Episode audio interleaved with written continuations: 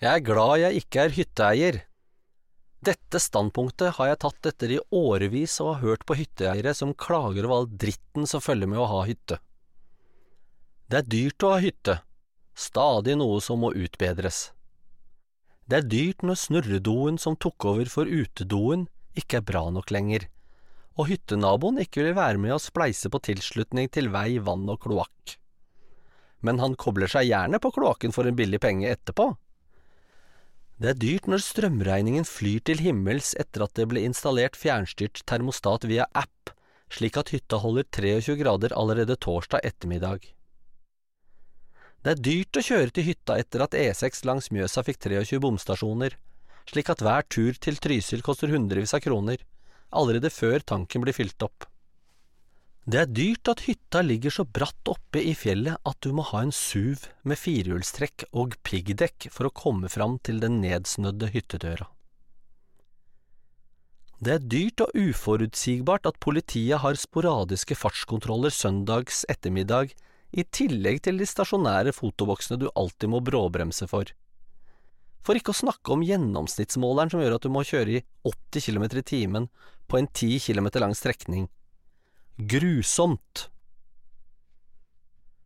Det er slitsomt å ha hytte, for da må du reise på hytta hver bidige helg for å presse døgnprisen ned under 100 000 kroner i året. Det er slitsomt at alle andre tenker på samme måte, med den følge at det er en sammenhengende bilkø fra Sandvika til Gol hver fredags ettermiddag. Det er slitsomt at alle andre også har funnet ut at de skal innom McDonald's på Flå på veien hjem. Det er slitsomt og dyrt å komme hjem igjen etter en helg på hytta til et hus som er rasert av tenåringsungdommene som har hatt aleine hjemmefest. Pokker, de har tømt vinkjelleren også. Det er slitsomt at det skal være så sosialt på hytta at en deilig åndssløv tilstand foran TV-en må vike plass for utmattende brettspill av typen stor i kjeften, ludo og kinasjakk. Det er slitsomt at det er to meter høy snø på hyttetaket, og ingen østeuropeere å oppdrive som fjerner snøen for under 20 000 kroner, når du trenger dem som mest. Det er slitsomt å tenke på at hvis du ikke hadde eid den hersens hytta på fjellet, kunne du tilbrakt hele påsken på go-go-barer i Thailand i 30 varmegrader. Det er dyrt at kona finner ut at dere likevel skal reise til Florida i påsken, mens hytta står og blomstrer i fjellet.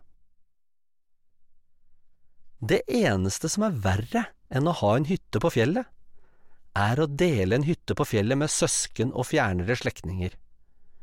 Kanskje du var glad i dem en gang, men nå hater du dem mer enn svartedauden.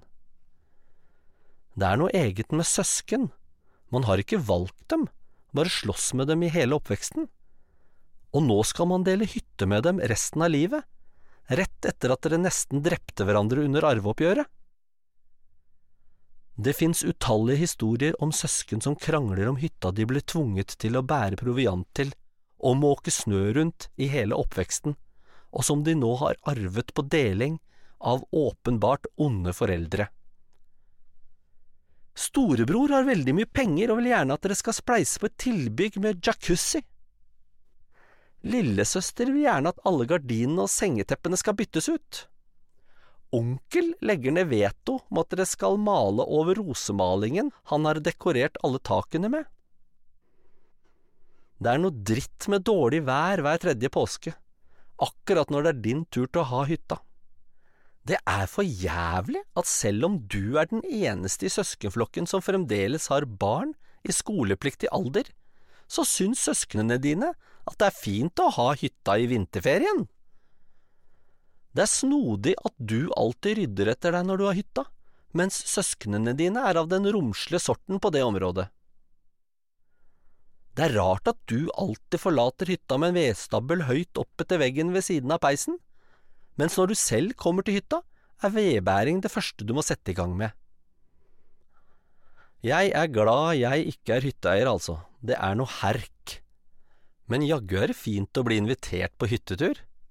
Jeg elsker å være på fjellet i påsken.